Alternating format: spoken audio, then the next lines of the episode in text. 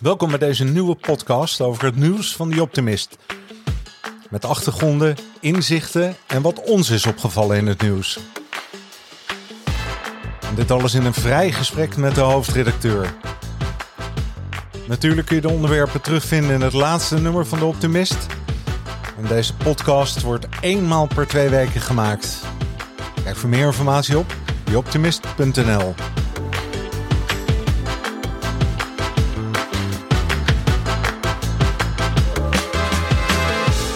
Goedemiddag. Brian, hoe is het met je? Dag Erik. Ja, uitstekend. Uh, het nieuwe jaar is begonnen en uh, niet slecht moet ik zeggen. Ah, vertel eens waarom? Vertel eens. Nou ja, uh, los van goede voornemens die ik nooit heb. Ehm, ja, ik denk dat we wel met enig optimisme vooruit mogen kijken naar het nieuwe jaar. Ja. je bent de hoofdredacteur van De Optimist. En ik heb altijd Correct. afgevraagd, de optimist. Die optimist heet het eigenlijk. Hè? ja. Dat was vroeger de ode. Ja, en was het, ervoor, was het nog iets anders? Of is het meteen uh, van ode naar optimist gegaan? Of, hè? Een heleboel uh, mensen die ik dat vraag, die zeggen, oh, ik ben even de draad kwijt. Maar waar, waar, wat was het ook alweer? Dat uh, kan ik me voorstellen. ja? het, is, het is begonnen als ode in 1995. Wat klopt. Maar de, de ondertitel was toen ook al voor uh, The Intelligent Optimist. Uh, en met intelligent werd bedoeld de goed geïnformeerde. Niet zozeer de slimme, maar wel de goed geïnformeerde optimisten van deze wereld. En ja, het optimisme heeft altijd wel erin gezeten. En dan met name kijkend naar uh, wat kan er beter in de wereld. Waar haal je de inspiratie vandaan? En hoe houden we hoop? Ja, en wat, wat betekent dan goed geïnformeerd? Uh, dat je weet wat er speelt in de wereld. Niet alleen uh, in je eigen kringetje, in je eigen buurtje. Ja. Maar ook de wat grotere thema's. Dat je denkt in oplossingen met name. Dat je verder kijkt dan je, dan je hokje groot is. Uh, dat verstaan we goed, goed geïnformeerd. En dus het ook openstaan voor, voor andere ideeën, voor innovaties. Ja. Dat. Ik heb hier het blad voor me. Ik heb ik, ik altijd veel plezier gelezen. Ook altijd dat er een soort thema in zit. Hè? Nu, mhm. veerkracht. Dan heb ik het over het nummer januari, februari 2022. Veerkracht. Wat is dat, veerkracht? Veerkracht, wat is dat? Ja, ik zou het niet eh, weten. Ja, ik weet het wel van natuurkunde een beetje. Hè? Maar ik denk, ja, resilient. Hè? Nou. Je, aan, een, aan een trekveer denk jij meteen. Natuurlijk. Ja, precies. Hè? Van die krachten. ja. Nou, zijn ook krachten. Dat is ook een kracht, inderdaad. Een hele belangrijke trouwens. Uh, maar bij veerkracht denk ik vooral aan uh, als je eenmaal een keer valt, dat je niet blijft liggen, maar overeind komt. Uh, en, en door durft te gaan. Ehm, dus het telkens weer kunnen opladen, het met enig optimisme vooruitkijken naar wat er nog komen gaat. Dat je inderdaad jezelf durft te herstellen. En ook weet te herstellen van een tegenslag of van een zware periode. Ja. ja is dat, is dat, heeft dat te maken met ouder worden ook. Dat je, dat je levenservaring krijgt. Hè? Dat je dingen kunt wegzetten en zeggen van nou, ach ja, het vindt plaats en ik ga door. Hè? Vallen en opstaan. Leren, hè? betekent dat ook? Heeft het te maken met ouder worden? Is, is de 50-plus podcast, eh, Erik? Nee, uh, ja, het heeft er wel mee te maken dat je uh, ziet dat er patronen zijn. En dat er ook uh, nou, het bekende naregen dat de zonneschijn komt, ook al is de wolk uh, groot en, en, en zwart. Uh, ik, ik, denk dat jongere mensen die wat minder ervaring hebben in het leven, uh, daar had ik toevallig vanmorgen daar nog een gesprek over, hm. dat die een andere, ander, ander besef van tijd hebben ook. Ja, als je, als je, is natuurlijk als je, ook mooi onbevangen, hè? Dat ja, woord onbevangen zit erin. En dat geeft natuurlijk heel veel. Weet je wel, voetballen, bam, bam. Hè, je wordt onderuit gelopen, je staat weer op, huilt een keer, klaar, door hè. Ja, het is in beide leeftijdscategorieën. Hè? De ouderen en de jongeren. Heeft allemaal zo hè, zijn voordelen. Het, het, is bijna Cruyffiaans, Erik. Dat ja, uh, precies. elk, elk nadeel heeft zijn voordeel. Ja. Uh, dat geldt ook hiervoor. Maar als je, als je 16 bent en je zit uh, nu twee jaar een beetje in een lockdown. Uh, ja, dan is het al een, een, kwart van je bewuste leven dat je een beetje thuis zit uh, naar een beeldscherm te staren. Kijk, ja. Dan is het opeens heel anders dan als je 50 of 60 bent of 70. dan denk je van nou, dit duurt nog even en dan gaan we weer door. Ja. En dan heb ik ook al heel veel mooie, wereld, mooie jaren gehad in de wereld gezien. ja, het, het perspectief is anders. Ik heb hier. met, nummer 202 voor me liggen. En uh, thema heet veerkracht. Hoe blijven we overeind als het tegen zit? En er is een hele interessante foto, uh, zie ik. Hè? Ja. Die staat op de voorkant uit het Antonius ziekenhuis. Kun je beschrijven wat die voorkant is? Ja, je ziet daar drie personen, drie zorgmedewerkers. Uh, ik zal ze met naam noemen. Arend Jan Meinders, Kim Koren en Janneke de Winter. Uh, ik kwam Arend Jan op het spoor. Die was ooit te gast bij Jinek aan het begin van uh, de coronacrisis vorig jaar. kijken, 2020 inmiddels moet ik zeggen. Ehm, en daar was hij te gast omdat hij een filmpje had gepost over hoe het eraan toe ging op de IC. Mm Hij was de, eigenlijk de eerste die dat deed, die het gewoon liet zien wat er gebeurde, hoe hard er gewerkt werd. Um, en ik heb hem benaderd en gevraagd van, joh, hoe is het nu eigenlijk? We zijn nu een tijdje verder. En daar sprak zoveel veerkracht uit zijn woorden, dat ik toen dacht van, hé, hey, wacht eens eventjes, uh, dit is een verhaal, dat moet worden gedeeld. En hij zei spontaan, ik heb collega's die ook wel hun verhaal kwijt willen. Nou, dat hebben we dan mooi gecombineerd. Um, en wat we op het plaatje zien, op die, op die cover, is die drie mensen uh, in het ziekenhuis met een mondkapje op in een witte jas. Uh, en, en een beetje in een pose die, ja, met alle respect voor de Linda, een, een parodie is op de cover van de Linda van december. Ah, oké. En hoe zag die eruit? Uh, daar stonden vijf mensen in een pose uh, op, de, op de cover, maar dan wel in gala kleding. Ja, ja, smoking, hè? Smoking. Met Hugo. In, ja, Hugo de Jonge, Kasia Ollongren, om maar een paar mensen te noemen, die daar vrolijk met champagne in de hand naar de fotograaf keken. Ja, een beetje cynisch. Ja, ik, ik, had, ik, had, ik kreeg een beetje, een beetje buikpijn toen ik die foto's zag. En ja. met mij nog veel andere mensen, geloof ik. Ja, zeker. Hey, en ja. um, die Arend Jan, wat bepaalde de veerkracht van Arend Jan? En dan doelen we natuurlijk op de zorghelden, yeah. hè, waar we het altijd over hebben. Um, hè, de, de mensen die in de vuurlinie staan, wordt ook wel genoemd. Um, wat is voor hem uh, de veerkracht geweest? Uh, nou, met name dat hij zijn roeping in, vervulling, in vervulling zag gaan. Hij is al heel lang arts, uh, internist, uh, intensivist. Ehm, maar hij zei, wat mij zo frappeerde was dat ik toen het eenmaal begon, de, de uitbraak en, en, en dat de paniek uitbrak eigenlijk in het land, dat hij voelde dat hij de, de juiste, op de juiste plek was. Dat hij al die jaren dat hij arts was geweest, of nog steeds is, dat hij dacht van oké, nu komt het erop aan, nu moet ik echt naar voren treden en zorgen dat het goed komt. En dat bracht hij zo, zo optimistisch ook zo van, uh, we hebben het heel veel zelf in de hand, die oplossing. En ik kan een steentje eraan bijdragen en het wordt beter. En natuurlijk, het is zwaar en niet iedereen uh, gaat het uh, als, een, als een fijne tijd ervaren. Sterker nog, er gaan mensen dood die ik niet kan helpen. maar het grote plaatje is, het wordt beter. Maar moeten ons best blijven doen en die zorg verlenen aan iedereen. Ja, en waren ze alle drie optimistisch? Um, ja, de een wat meer dan de ander. Maar ook wel heel, heel realistisch. Van ik doe mijn best en ik, uh, ik vind het mooi dat ik kan bijdragen in deze tijden. Ik vind het fijn dat ik van waarde kan zijn. En ik zie ook dat als het, als het zwaar is, heb ik mijn eigen manier om daarmee om te gaan. Uh, ik kan ontspannen, ik ga rennen, ik ga bidden, ik ga, nou, noem maar op. Uh, iedereen heeft zijn eigen manier. Ik ga tennissen. ik heb eigen manier om, uh, om te gaan met, met die druk. Ja, en, en de, de grote vraag is natuurlijk, houden ze het vol?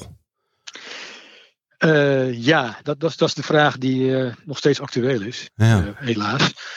Het, het korte antwoord is ja, omdat er een zekere mate van oerkracht elke keer weer opkomt als de paniek en als de druk het hoogst is. Ja. En de prijs die betalen we achteraf wel, zegt Arend Jan ook letterlijk. Van uh, als dit voorbij is, ooit, dan zul je wel zien dat mensen in een modus komen dat ze moeten gaan bijkomen of dat ze een terugslag krijgen.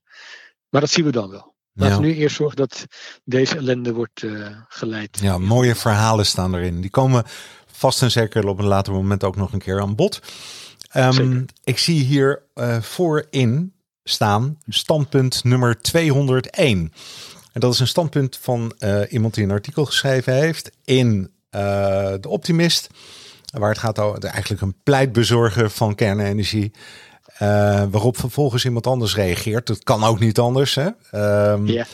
Um, en die schrijft daar een heel stuk over. Uh, van nou, weet je wel hoeveel mensen er overleden zijn. En uh, hoe niet veilig het is. En wat doen we met hè, de restanten na hè, dat het zijn nut heeft gehad in de, in de kerncentrale. En met het uranium en noem op. En ik, ik wilde even niet over de inhoud hebben van het artikel, maar wel over Ehm, de verschillen in de meningen die er zijn. je kunt dus een hele optimistische kijk hebben. In dit geval optimistische kijk is een soort bewustwording over kernenergie. Maar ja, dat is ook maar een mening. He, zo zijn mhm. er een heleboel andere meningen. Hoe ga je met die, al die verschillende meningen om en blijf je een optimist? Ja, dat is een hele goede vraag. Nou, ik denk dat mensen die een mening verkondigen die onderbouwd is, dat die het verdienen om met respect te worden bejegend. En ook de, de ruimte mogen krijgen om hun verhaal te vertellen. Zo zijn we ook op dit onderwerp erin gegaan. Uh, standpunt nummer 201 verwijst uit naar het vorige blad. Daarin hadden we Ruud Korenstra en Marco Visser, die allebei een mening uh, hebben over, uh, over kernenergie. En het ging specifiek over thorium als een, ja, een vernieling binnen de, de kernenergie, zou ik maar zeggen. Uh, maar door ze allebei de ruimte te geven om hun verhaal te vertellen, krijgen mensen ook die het lezen, die krijgen inzicht van oké, dit is er dus mogelijk. Of dit zijn de visies van twee mensen die, die anders in de wedstrijd zitten onderling, maar die wel uh, kijken naar een gezamenlijk doel. Namelijk hoe krijgen we het voor elkaar dat we genoeg energie hebben om in onze behoeften te voorzien ja. op de lange termijn. En de reactie die je nu leest in het huidige nummer. Dus de, de lezer die zegt van joh, is het wel zo, zo prettig al die kernenergie, ja. het uranium, hoe moet dat? Ook die mensen, die, ja, er zijn veel mensen die uh, met, met wantrouwen kijken naar kernenergie en dat snap ik ook wel. Ja. Uh, want je kunt moeilijk de dingen of de, de, zaken overzien die, die komen gaan daarmee. Aan de andere kant, als je kijkt naar de feiten, dus naar de onderbouwing, dan zie je dat er wel degelijk een, een casus is om te zeggen: Nou, met, met gezond verstand en met de goede maatregelen kunnen we best gebruik maken van, uh, van kernenergie. En dat is nu ook wat, uh, ja, wat je in de politiek ziet gebeuren: dat die kentering best is ontstaan de afgelopen paar jaar. Ja. En kun, kun je op de site doordiscussiëren van de Optimist? op de site. Nou, je kunt wel, als je eenmaal ingelogd bent met je accountje, dan kan je je mening uh, achterlaten. Ja, dan kan je okay. je standpunt verkondigen. Ja. En dan als je het niet te gortig maakt, dan uh, gaan we het ook zeker plaatsen. Ja, mooi. mooi als je een plek hebt zonder te schelden. Dat je op basis ja. van meningen, hè, meningen hè, of feiten, hè, dat is natuurlijk een groot verschil. Um, hey, uiteindelijk je eigen mening kan vormen. Hè, doordat je zelf na gaat denken. Dat is belangrijk in ja. deze tijd, of niet? Ja, ja, voortschrijdend inzicht noem ik dat ook. Voortschrijdend inzicht, zelf nadenken.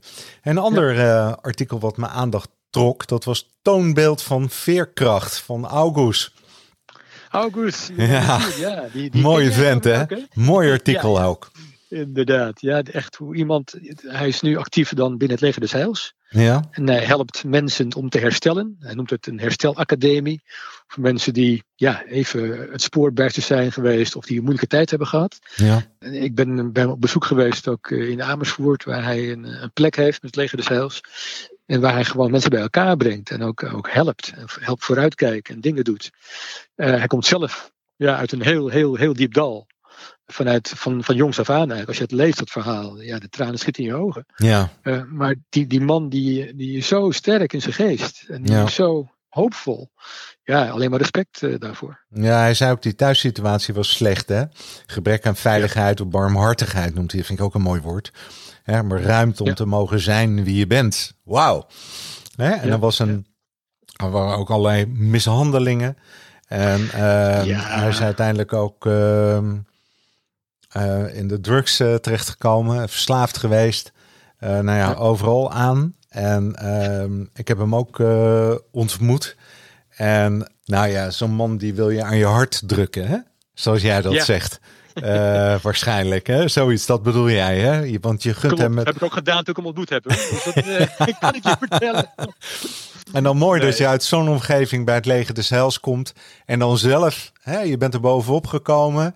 En hè, dan is de, de vraag natuurlijk, voordat je anderen gaat helpen. Hoe ben je er zelf zo bovenop gekomen dat je in staat bent om anderen te helpen? Ja. He, dat is, dat, dat is de, de truc als je het dan hebt over veerkracht. Nou, die veer die was gewoon nou helemaal niet uitgespannen of hm. was helemaal in elkaar geklapt. Hoe kun je dan weer overeind komen? En ik vind het een zeer, zoals in religieuze kringen betaamt, dat ze zeggen bemoedigend. Uh, Om te zien. En barmhartig, kun je er ook uh, in komen. Maar in ieder geval gaat het om de mens. En dat is uiteindelijk wat een optimist is, toch? Een mens. Of zou je ook een optimistische hond hebben? Wat zeg je nou? Nou, precies hè. Ja, daar, daar schrik je van hè. Nee, ik denk, ik zie in één keer mijn hond voorbij lopen. Ja. En ik denk, hé, hey, zou die ook optimistisch zijn? of opportunistisch? Wat denk jij? Aan jou over. ik denk het laatste vooral. Als hij brokjes krijgt, is hij blij met je. Ja, ik vind het ook opportunistisch. Ja, maar joh, daarom hou ik ook uh, van dat beest hè. Enorm. Ik vind het eigenlijk ook wel een optimist. Nog even over August. Wat, wat ah, mooi is aan August. Dat is dat hij het, het bewijs ook vormt. Hè? Dat het kan. Ja. Dat je inderdaad uit zo'n diep dal kunt komen, uit die verslaving, verslaving kunt komen. Dat hij daar gewoon een levend en wandelend bewijs van is. En hoe je ook anderen daarvoor, daarmee inspireert. Dat, uh, met name dat. Ja, en weet je wat, even dan nog over de inhoud. Je weet niet wat het is als je er niet geweest bent. He, wij, ik, ik, ik heb nooit in die situatie, ik ben nooit dakloos geweest. Ik heb nooit, weet je wel, en dan is het zo moeilijk om je voor te stellen om eh, zeg maar de wil in jezelf te vinden. En bij hem is dat nou, eigenlijk hè, een hele religieuze aanraking uh, geweest, hè, spirituele mhm. aanraking geweest, die hem er bovenop gebracht heeft. En dat is natuurlijk fantastisch. En je kunt natuurlijk overal je inspiratie vandaan halen. Maar ik wil maar mee zeggen, het, het klinkt makkelijk, maar stop maar eens met roken. Hè? Ja, dan zie je hoe verdomd lastig het is om de zaken om te draaien. En het heft mhm. in eigen handen te nemen. Dus we praten er allemaal over, maar het is nog best een complexe zaak. Daarom is het goed dat de optimist er is. Hè, met inspirerende, optimistische verhalen. Jij bent onderweg en ik wens je nog een hele goede reis. En tot de volgende Dankjewel, keer. Erik. Dat was nummer 1, hè, dit. Realiseer je dat? Ja, ik begrijp Oké, jongen. Al de beste. We gaan door. Dag. Hoi. Hoi. Voor meer informatie op optimist.nl